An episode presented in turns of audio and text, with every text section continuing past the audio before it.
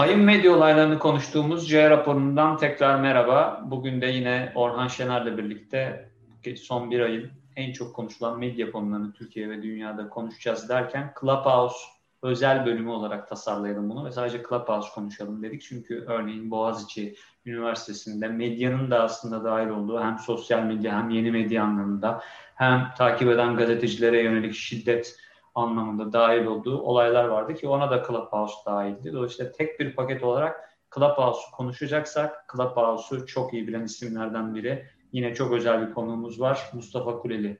Seninle başlayalım Mustafa. Şimdi Clubhouse'u çok iyi bilen biri e, miyim bilmiyorum ama Clubhouse'u çok seven biriyim. Çok sevdim sevgili Emre Kızılkaya senden farklı olarak. Yıllar önce bu heyecanı Twitter'da duymuştum. 10 sene kadar önce. O zamanlar Twitter muazzam bir yerdi, mükemmel bir yerdi.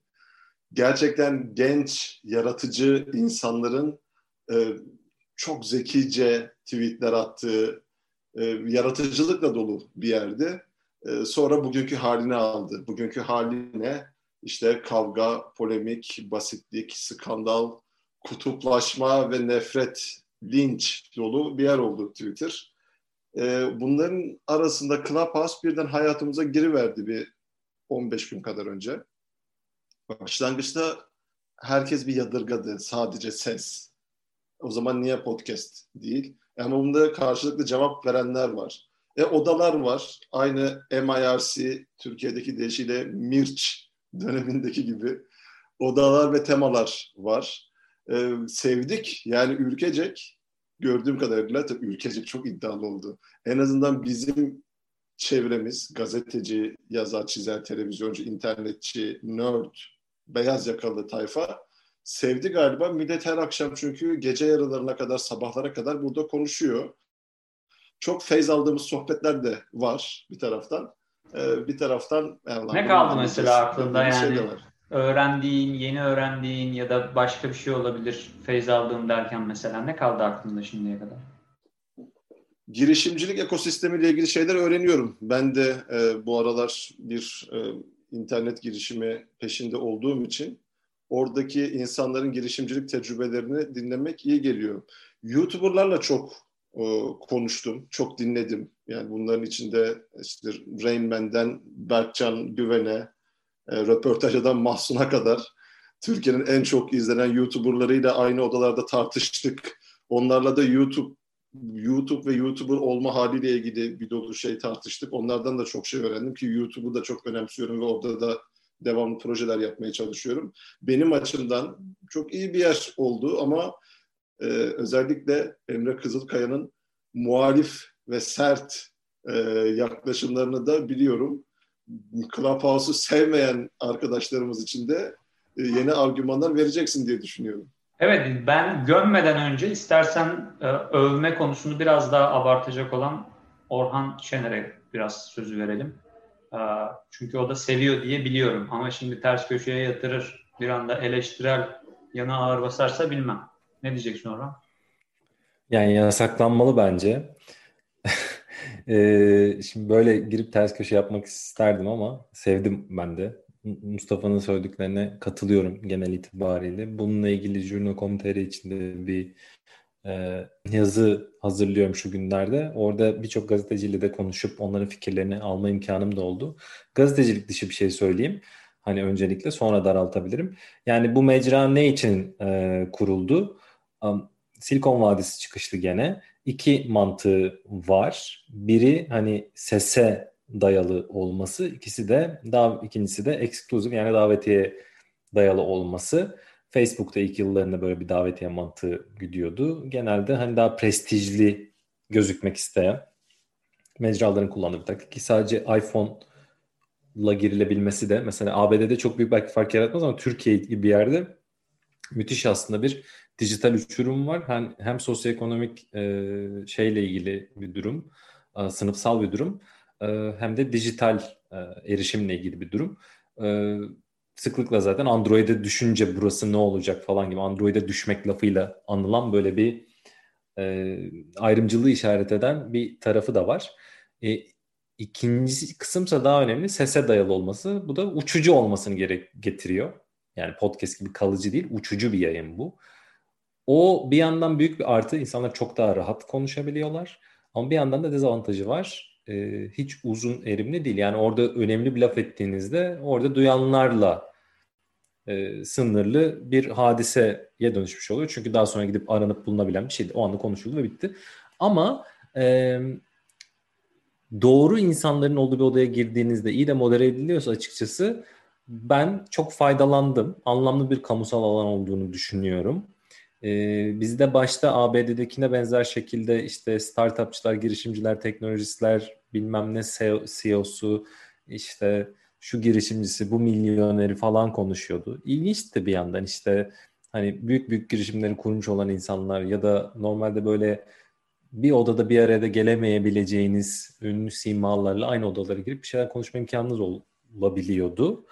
Sonra hızla e, markaların da sponsorlukları eşliğinde ünlü demeyelim de belki az ünlülerin, yarım ünlülerin ya da eski ünlülerin bir kısmı gerçekten hani um, Türkiye'de şu anda böyle bilinen e, televizyon yıldızı kavramına uygun ünlüler de var tabii ama onların toplaşıp bilmiyorum bana en azından çok uygun gelmeyen işte ne bileyim kitchenet'in tuvaletine girdim bilmem ne benden önce bilmem ne girmiş çok kokuyordu falan. Böyle muhabbetler yaptıkları seviyesiz e, odalar yükseldi ama hemen arkasından Boğaziçi'nde yaşanan e, elim olaylar nedeniyle e, bir anda daha aktivist bir kitlenin, gazetecilerin ve hatta muhalif birçok siyasetçinin katılımıyla birlikte büyük bir agoraya, kamusal bir alana da dönüştüğünü gördük. Dünyadakinden farklı bir seyir izledi. Ben önemli olacağını düşünüyorum Clubhouse veya ardından gelen sesli sosyal medyaların. Sen baştan zaten bir dijital e, ayrılık, dijital uçurum meselesine de değindin. Ben de biraz oradan bakarak e, şunu söyleyebilirim. Dijital uçurum e, meselesine değinmişken, şimdi mesela geçen sene de TikTok konuşuyorduk değil mi? Bir sene içerisinde inanılmaz hızlı bir şekilde büyüyüp şu an dünyanın en büyük iki sosyal medya platformundan biri oldu. Veya 10 sene önce de Facebook konuşuyorduk. Ee, yani platformlar gelir, platformlar geçer. Bugün Facebook bambaşka bir kitleye ulaşıyor. Çok daha yaşlı, gençlerin daha az yer aldığı. O Facebook'tan Instagram'a geçen kitle şimdi işte Clubhouse'a geçiyor örneğin. Ee, o yüzden platformlar gelip geçici ama insanların bunu nasıl kullandığı önemli ve orada da iki tane temel e, yaklaşım olabilir. Biri ticari olabilir ticari yaklaşım platformlara nasıl bakar? Ben buradan paramın karşılığını alır mıyım? Reklam olabilir, bu başka bir yatırım olabilir. Mesela halk ve ilişkiler yatırımı olabilir. Paramın karşılığını alır mıyım diye baktığımda ben Clubhouse'u bir pazarlama yöneticisi olsam şu anda hemen üstüne atlardım yani. Bir irdeleyip iyi bir anladıktan sonra kullanmaya bakardım. Ama işin kamusal fayda boyutuna baktığımızda Clubhouse ne gibi bir kamusal fayda sağlayabilir? Yani şu anda bunun böyle çok net bir şey söylemek zor. Bir defa mesela bu insanların nasıl içerik moderasyonu yapacağını bilmiyoruz. Yani Facebook gibi olurlarsa çok kötü bir yere gider mesela. Google gibi olurlarsa aralarda bir yerde olur. Twitter belki bir miktar daha iyi ama onun da bir sürü sorunu var. E, en önemlisi onların tasarlayacağı sistem. Henüz bu sistemi bilmiyoruz. Bu insanları bile doğru düzgün tanımıyoruz. Yani bugün Mark Zuckerberg herkes biliyor ama Clubhouse'un kurucularını pek kimse bilmiyor. E, burada şuna dikkat çekiyor. Abi bir... bu noktada şunu soracağım. En yetkili isim sensin burada. Clubhouse'un arkasında kim var? Çünkü müthiş bir pazarlama başarısı görüyoruz. Yani Elon Musk'tan Mark Zuckerberg'e kadar bu son üç günde bir dolu e, büyük isim buraya girdi, burayı övdü, burada yayın yaptı Clubhouse'da. Arkasında sadece böyle birkaç tane e, genius, dahi, nerd tip mi var? Yoksa çok büyük bir e, şirketler, konsorsiyum tarafından destekleniyor mu burası?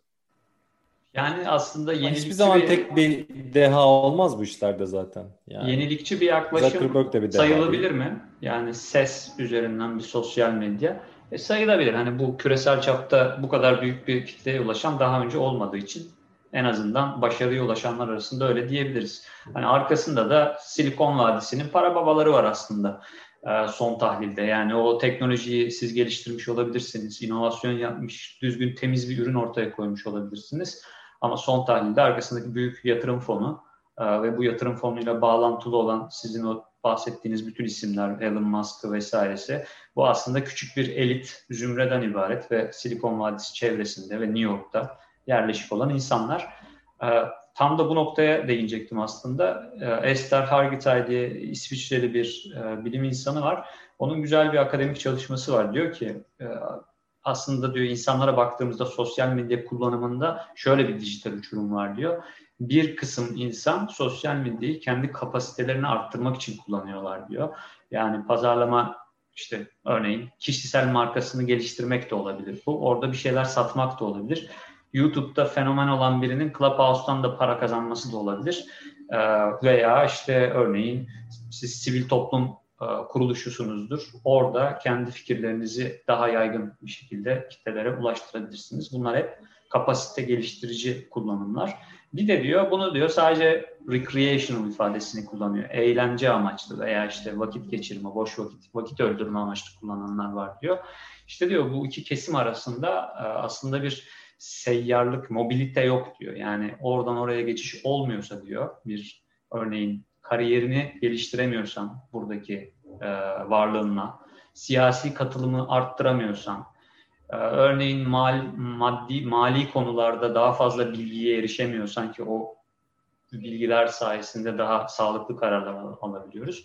E, dolayısıyla sen aslında orada vakit öldürüyorsun ve o platformun bir kamusal faydası yok. O yüzden o kamusal fayda insandan insana değişiyor. Bu yüzden de gençlere diyorum ki her platformu kullanın fakat mutlaka kendi kapasitenizi arttıracak şekilde kullanın. Buradan bir şeyler öğrenmek de olabilir. Gerçekten bir şeyler öğrenmek ama e, başka faydalar da olabilir. Yani biri için de sitesine ziyaretçi çekmek olabilir örneğin. Ee, orada şeyi söylemek isterim. Yani bu fayda meselesi önemli. YouTube'da mesela birçok şey eleştiriliyor ama ben yani son bir yılda YouTube'da o kadar çok şey öğrendim ki hani oynadığım oyunu işte daha iyi nasıl oynayacağıma dair Civilization 5 oynamayı da daha iyi öğrendim. Ne bileyim dünya tarihi de öğrendim. İşte ne bileyim Britanya'da Yeni Zelanda'daki farklı farklı aksanlar nasıl konuşuluyormuş onu da öğrendim. Yani akla hale gelecek her şeyle ilgili içerik var. Ama aynı YouTube'dan ne bileyim Nazi videosu da izleyebilirsiniz. Bomba nasıl yapılır onu da izleyebilirsiniz. Yani bunların hepsi mevcut. Şimdi burada da benzer bir şey olacak muhtemelen. Hani ne bileyim kötü niyetli insanlar burada toplanıp işte bir yere saldırı planı da yaparlar Covid gerçek değil deyip işte asılsız bilgi de yayarlar. Sonuçta kapalı odalar ve uçucu olduğu için çok da olası.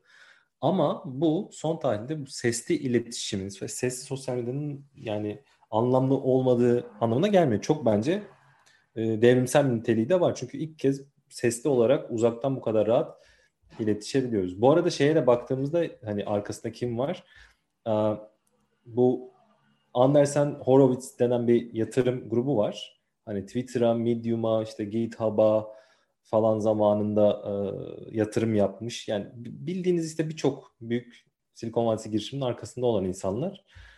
Yani bir, bu insanlar zaten tutacak şeye yatırım yapıyorlar genelde. İkincisi onlara yatırım yaptığında da tutuyor bir şekilde. E, o sebepten hani öyle bir şans eseri ortaya çıkmış bir yer değil.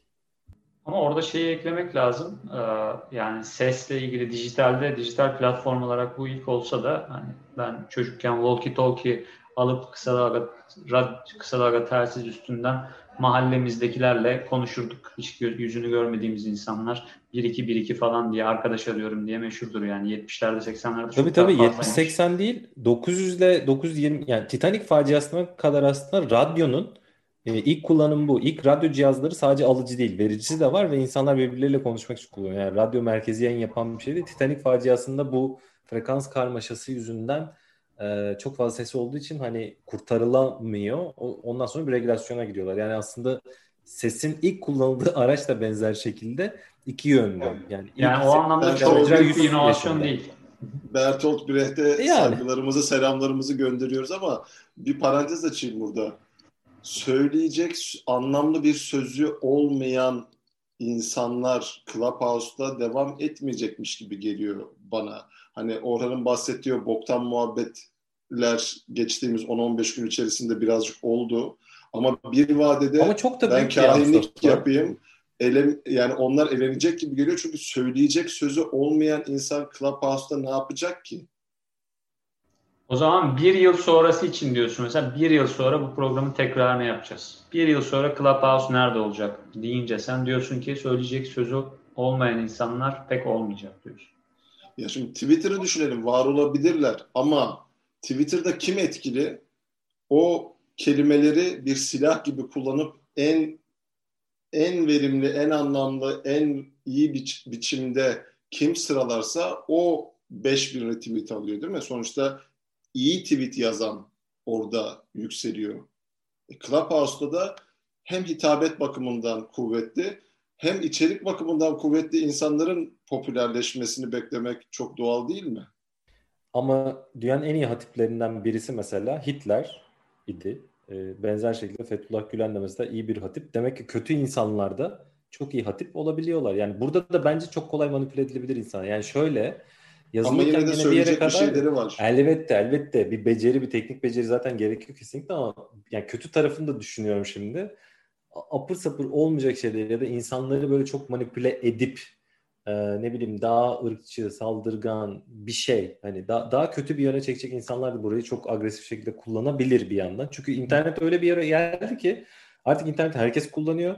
E, kötü insanlar dahil. Yani esnaf sadece sanki iyiler kullanacak gibi. Bu tarafı da var ama bence bu işin doğasında var yani her şey için geçerli bu. Ee, bir haftada bu kadar yani değiştiyse... Bir sonraki Hitler ha? bir sonraki. Hitler Clubhouse'dan çıkacak mı diyorsun 2022 için? İlla bir spot, bir manşet atmak istiyorsan e, bu kodu sana verebilirim. tamam. 2022 için Clubhouse e, sizce şimdi kitle olarak söylediniz siz ya. Yani Mustafa daha konuşacak e, fazla bir şey olmayan insanlar pek burayı kullanmaz dedi. E, sen yok herkes kullanır. Yok herkes kullanır yani demiyorum. Gene söyleyecek bir şey vardır. O söyleyeceği şey çok kötü bir şey de olabilir diyorum. Yoksa teknik olarak Mustafa söylediği yani hatipler doğru. diyorsun. iyi ya da kötü. Hatiplere yani, doğru gidebilir evet. Mesela Hoppa'nın kullanması Rönesans, gerekir bunu değil mi? Rönesans aydını ya da işte bütün bu aydınlanmacı fikirlerin arkasında hep şu yatar ya fikir çeşitliliği ve tartışma, hani medeni bir tartışma. Eğer fikirlerinize güveniyorsanız, argümanlarınıza, karşınızdaki ne yani böyle eskiden münazaralar yapılır diye okullarda karşı tarafı fikren ve hitaben çürütmek. Bunun ortamı aslında bu. Yani eğer biz gü- güveniyorsak sözümüze karşımızdaki iyi hatip ama bizce kötü fikirli insanları da sözümüzle alt edebilmeli ve kitleyi de kendi tarafımıza çekebilmeliyiz diye düşünüyorum. Son derece eski moda bir düşünceydi. Bu çok doğru bir düşünce. Fikirler yani marketplace of ideas fikirler pazar ama bu pazar herkese açık olmayacak. Yani şöyle bir şey olabilir. Ben bir kült tarikat lideriyim ve kötü kötü şeyler savunuyorum. Ee, kapalı bir grup kuruyorum. 5000 kişi geliyor. O 5000 kişiye de anlatıyorum, anlatıyorum. Propaganda, endoktrinasyon gidiyorum. Karşıma zaten kimse çıkmıyor. O da var. Çünkü birisi odayı açıyor ve public olmak zorunda. Ama Tabii ki bunlar biraz daha uç örnekleri. Ortalamada senin dediğine yakın sayılabilir. Şu anda bir, böyle kullanılıyor zaten. nüans var arada. Clubhouse gücünü sadece konuşmacıdan almıyor. Yani podcast'ten biraz da farkı o. Etkileşim var. Birileri de ona soru soruyor ya da yayına katılıyor. En çok dinlenen Clubhouse odalarına bakarsanız sadece iki kişinin konuştuğu ve kimseye söz hakkının verilmediği odalar değil. Bilakis devamlı dinleyici tarafından birilerinin konuşmacı katına çekildiği sorularını sordu, karşı çıktı, yorum yaptı ve anlamlı tartışmaların olduğu odalara baktığınızda 3000, 4000, 5000 dinleyiciye ulaşıyor. Doğru diyorsun. Tek yönlü, tek yönlü bir şey değil. Yani bu VHS kaset gibi bir yok, vaizin vaazını dinleme durumu yok Clubhouse'da. Ya öyle de kullanılabilir ama öyle olmak zorunda değil. Dediğin doğru. Ben özellikle gazetecilik açısından şöyle Türkiye'de bir avantajı olduğunu düşünüyorum. Fark ettiniz mi bilmiyorum ama e, Menekşe Hanım her gün saat 10'da sanırım ya da 10.30'da e, eski Euronews'tan biliyorsunuz e, Menekşe Tokbay Do- doğru mu söyledim ismini yanlış söyledim. Menekşe Tokyay. Tokyay çok özür dilerim. E, her sabah bir gündem toplantısı yapıyorlar iki gazeteci ve e, o gün olan olayları mesela derliyorlar. Ben genç gazeteci arkadaşlara tavsiye ediyorum. Oturup her gün dinlesinler mesela. İkincisi basın açıklaması için çok uygun. Yani birçok siyasetçiye ulaşmak çok kolay değil. Siyasetçiler için böyle bir kişiye görüş vermek falan çok verimli olmuyor. Geçtiğimiz günlerde birçok muhalif partinin önemli ismi e, e, Clubhouse'a geldiler ve aynen bir basın e, toplantısı gibi işte gazetecilere söz verdiler. Onlar soru sordu. Bunlar da cevap verdi. Birinin moderasyonunda. Bu anlamda mesela çok efektif bir kullanım olabilir.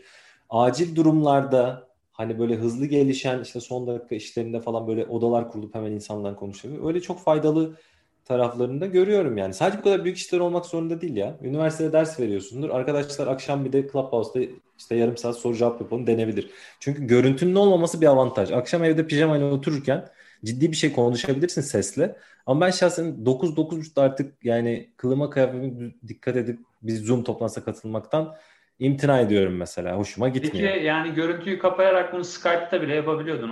15-20 yıldır yapabiliyorsun. Niye kimse görüntüyü kapatıp da Ya Skype seviyor musun? Ben Skype'ın kullanışlılık Zoom'la sorunu şimdi. beni deli Abi, ediyor yani. Arada açıkçası. arada bir fark var. Zoom'da ya da e, Skype'de senin davet ettiklerin sadece oraya geliyor. Evet, işte bir Clubhouse'da public bir şey konu, yapamıyorsun. konu ilgisini çeken herkes dahil o ya da orayı merak eden. Mesela örgütlenme tarafında da benim aşırı işime yarıyor. Ne oluyor? Mesela geçen hafta Galatasaray'ın maçı var. Galatasaray'ın maçından önce spor gazetecileri bir oda açmış. Çok büyük değil. 150-200 kişi vardı. Spor muhabirleri yaşadıkları sıkıntıları anlatıyorlar. Statlarda, antrenman tesislerinde falan filan. Dinleyeyim dedim ya. Spor gazetecileri ne sıkıntı? Gazeteciler Sendikası'nda yöneticiyiz ya. Girdim odaya, dinleyiciyim sadece. Birisi dedi ki, Aa, Mustafa Başkan geldi, onu da konuşmacılar arasına alalım, bakalım ne diyecek. Bu benim için muazzam bir şey yani. Birçok gazeteciye ulaşmanın, onların derdini dinlemenin ve varsa çözüm önerilerini söylemek için ya da hafta sonu eklerinde çalışan farklı gazetelerin e, arkadaşlar böyle bir oda kurmuşlardı. Benzer bir şey oldu. Ben yine dinleyici olarak girdim. Onlar da yine bir dolu problem anlatıyordu. Aa işte Mustafa da buradaymış. Hadi başkan sen de gel e, biraz konuşalım dediler. Ve konuştuk. Şimdi normalde bizim işimiz konuşmak yani sendikacı kimliğiyle baktığın zaman konuşmak, insanları dinlemek, e, onlarla hemhal olmak ve dertlerini çözmek. Şu pandemi ortamında benim bu gazetecilere tek tek ulaşmam ya da bunlarla mesela 30-40-50 kişilik toplantılar yapmam imkansız. E, Clubhouse bana şimdi bu rahatlığı veriyor. Bu açıdan hani bir community kurmaya çalışan ya da bir community e, ile birlikte bir şeyler yapmaya çalışan insanlar için muazzam olanağı var. Zaten uçucu yani uçucu her tür içerikte aslında temel kamusal değer e, örgütleme ve harekete geçirme noktasında oluyor her şeyde. Yani şimdi deprem olduğunu düşünün mesela. Çalışsa mesela Clubhouse anlık iletişim için binlerce kişinin aynı anda, yüzlerce kişinin aynı anda iletişim kurabileceği bir yer görüntüye de gerek yok. Veya başka bir sürü alanda olabilir bu. Ama iş mesela gazetecilik gibi şeylere geldiğinde belki dediğin daha niş örneklerde Orhan'ın söylediği işte bülten tarzı şeylerde işe yarayabilir bir kanal olsa da yeni bir kanal olsa da çok büyük bir katma değer sunmasa da ekstra. Daha çok back katalog denilen arşiv gazetecilikte önemlidir. Yani iş geriye dönüp baktığında referans alabilmen lazım. Fikir, örgütlenme değil, fikir oluşturma ile ilgili tüm aktiviteler aslında biz yazıyla yapıyoruz. Yani hala yazıyla yapıyoruz. Dünyanın her yerinde de öyle. Bu arada biz bu e, uçuculuk şeyine çok e, fixledik ama mecra ilk çıktığında kayıt alıyordu odalar. Yani sonra bazı mahremiyet ihlalleri nedeniyle onu da söyleyelim yani işte cinsel içerikli bazı odalarda insanlar sevişiyor sesini dinletiyorlar dışarı. Bunu kaydedip paylaşmış insan. O sebepten kayıt özelliği kaldırılmış ama şimdi bazı odaların kayıt alınabilir bazılarının olamayacak şekilde geliştirildiği söyleniyor. Muhtemelen o kayıt alma özelliği de olan odalarımız olacaktır. Yani bu zaten şu an çok biz e, hani mi, minimum halini görüyoruz henüz. Çok erken bir dönem. Burada bir sorun geliyor o zaman. Aha. Güvenlik meselesi ne olacak Clubhouse'da? Ama şöyle bir kural getiriyorlar. Ha şöyle odayı en başta hangi özellikle açarsan kayıt alınabilir ya da alınamaz. Bu net şekilde gözüküyor ve değiştirilemiyor bir daha. Yani kayıt alınamaz bir oda bir anda alınıra dönüşemeyecek. Böyle söyleniyor. Bence anlamlı. Sonuçta harici bir cihazla alırsın kayıt. Yani alan zaten alır. Orada konuşan birinin... Elbette ama meşru almaktan bahsediyorum. Meşru almaktan. Yani şu ha, anda mesela yani o tarafına belki çok çok takılınmayabilir. Gelişecektir yani mecra. Yani 2022'de nereye gider diye düşününce ben son olarak onu söyleyeyim. Sonra son sözleriniz için topu size atayım. 2022'de Clubhouse nereye gider? Bir defa bir şirketin özellikle de platformun kuruluş aşamalarında geçtiği merhaleler dikkate alınırsa aslında Clubhouse'un daha çok Facebook'a benzer bir model benimsediğini görüyoruz. Neydi o? Yani Facebook'un büyük, çok hızlı büyümesinin arkasında yatan temel sebep çok küçük bir kitleyle başlayıp sonra davet usulüyle o kitleyi organik olarak büyütmesiyle özellikle de arkadaşlar ve yakınlar yoluyla okullardan, üniversitelerden başlayıp onların yakınlarına ilerleyerek okulların sayısını giderek arttırarak sonra da ülkeleri İlkokul, ilkokul arkadaşlarınızı bulun, lise arkadaşlarınızı bulun. Diye Aynen temel, temel değer önerisi de buydu. Şimdi burada da şöyle bir şey oldu. Ee, Birincisi o işte gerek Horowitz, Anderson Ho- Horowitz'in şey, yatırım fonunun verdiği büyük destek, milyonlarca dolarlık pazarlama e, bütçesiyle Clubhouse bir defa çok büyük bir reklam bütçesi elde etti. Ee, Özellikle sosyal medya kanallarından bu reklamları çıktılar. Ee, Ama bir yandan da o reklamları çok mesela yani iPhone sadece iPhone'larda çıkmak çok büyük bir stratejik karar ve o ciddi bir kitleyi sizden uzaklaştırırken e, bir başka kitleyi de size yaklaştırıyor. Çünkü özel bir ürün sunuyorsunuz bir yanda sadece iPhone kullanıcıları kullanabilir diye. Bir de bunun üzerine şöyle bir şey yaptılar. Eğer ki Clubhouse'un İngilizce e, iletişim stratejisini işte örneğin sizin bahsettiğiniz o konu seçimleriyle ilgili orada işte o emojilerle gösterdikleri konular var mesela. İngilizce'dekilere bakarsanız göreceksiniz mesela Afro-Amerikalı ve o İngilizce'de cause based denilen hani bir dava amaçlı işte örneğin e, Afrikalı Amerikalıların e, yurttaşlık hakları gibi böyle bu temalara sahip e, odaların çok öne çıkartıldığını görüyoruz. Orada daha eğitimli bir Afrikalı Amerikalı kitleye hitap eden mesela bir yaklaşım var çok net. Bir bu tarafa doğru büyüdü. İkincisi Silikon Vadisi ve çevresine doğru büyüdü. Bunu kasten yaptılar. Örneğin işte Elon Musk'ı odaya almak falan hep bu stratejinin parçası aslında.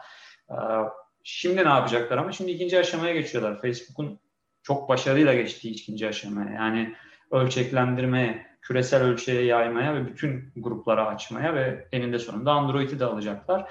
İşte o zaman gerçekten nereye evrildiğini görebileceğiz. Daha önce sadece Harvard ve işte Stanford öğrencilerinin olduğu Facebook'un sonra tüm dünyaya açıldığında olduğu şey gibi bir şey yaşanacak Clubhouse'da. Onu nasıl yönettiklerini göreceğiz. Henüz çok erken. Ben e, yani şu an hani 10 10 liram olsa e, kaç lirasını ya da 10 lira demeyeyim yani büyük bir şey söyleyeyim. Mesela 1 milyon liram olsa Clubhouse'da bir borsada şirket olsa bunun kaç lirasını verirdim derseniz ben hani 50 bin lirasını verebilirdim belki riske edebilirdim mesela o 1 milyon liranın içinden 50 bin lirasını ama 950 bin lirayı mesela riske etmezdim ben hala bir soru işareti olarak görüyorum.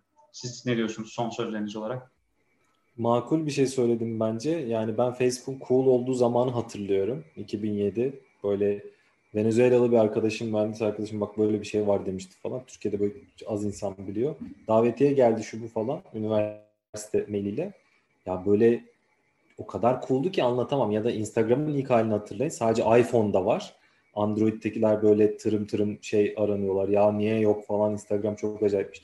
E sonunda geldiğimiz yer belli. Bugün hiç kimse Facebook kullanıyor. Facebook kullanan zaten anti cool bir şey. Instagram kullanıyorsun diye de asla cool biri sayılmıyorsun şu anda. İlla Clubhouse'da ona benzer bir yere gelecektir. Ama dediğin gibi hani hangi aşamalardan geçecek de nereye varacak orasını kestirmek güç. Ama imkan ve potansiyel olarak bayağı ciddi bir şey barındırdığını düşünüyorum ben. Kendisi olmasa da bu sesli sosyal medya kavramının. E bir yandan o riskleri de çıkacak sorunları da zaten öngörebiliyoruz. E, benzer bir süreçten geçecektir evet. Ama gazeteciler için ben anlamlı bir mecra olabileceğini düşünüyorum. E, bir yandan yani en azından bir bakmakta böyle farklı kullanım yollarını düşünmekte kesinlikle fayda var. Bütün bu mecralar bir dönem parladı, yükseldi ve sonra bir dengeye oturdu. İşte TikTok'ta, Instagram'da, Facebook'ta, Twitter'da. Ama galiba bütün ve tabii Clubhouse'da muhtemelen böyle olacak. Ama Twitter süreklilik ve sürdürülebilirlik bakımından e, yani böyle 10 yıla aşkın süredir hayatımızda ve galiba içlerinde eğrisi devamlı yukarı giden yani cool olma ve trendy olma bakımından en başarılı örnek gibi görünüyor bana.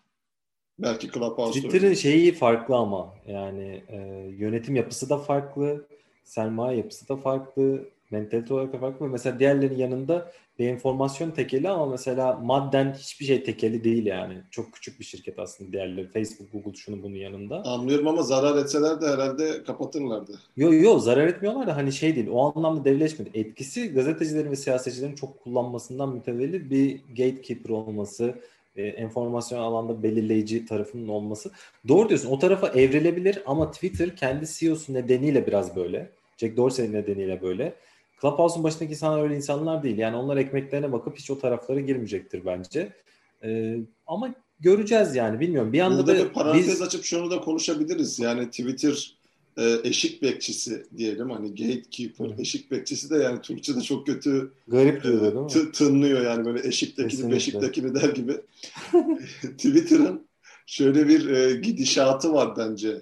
İşte Devlet Bahçeli'nin tweetini engellemesi, Süleyman Soylu'nun evet. ya da Trump'ın tweetini engellemesi. Eskiden ne diyorlardı? Yani biz karışmayız. Şimdi Hı. ne diyorlar? Hayır, nefret söylemi içeriyorsa ya da manipülasyon, di, disenformasyon içeriyorsa hayır kardeşim biz izin vermeyiz. Ee, belki de sürdürülebilirlik açısından bunu gerekli gördüler. Yani bazı evet. regülasyonların ve Tabii. bazı e, sans, sansür denir mi buna bilmiyorum. Bazı engellemelerin halkın iyiliği için tabii bazı engellemelerin yaşaması ve sürdürülebilir olması için elzem olduğunu e, görmüş olabilir Twitter yönetimi.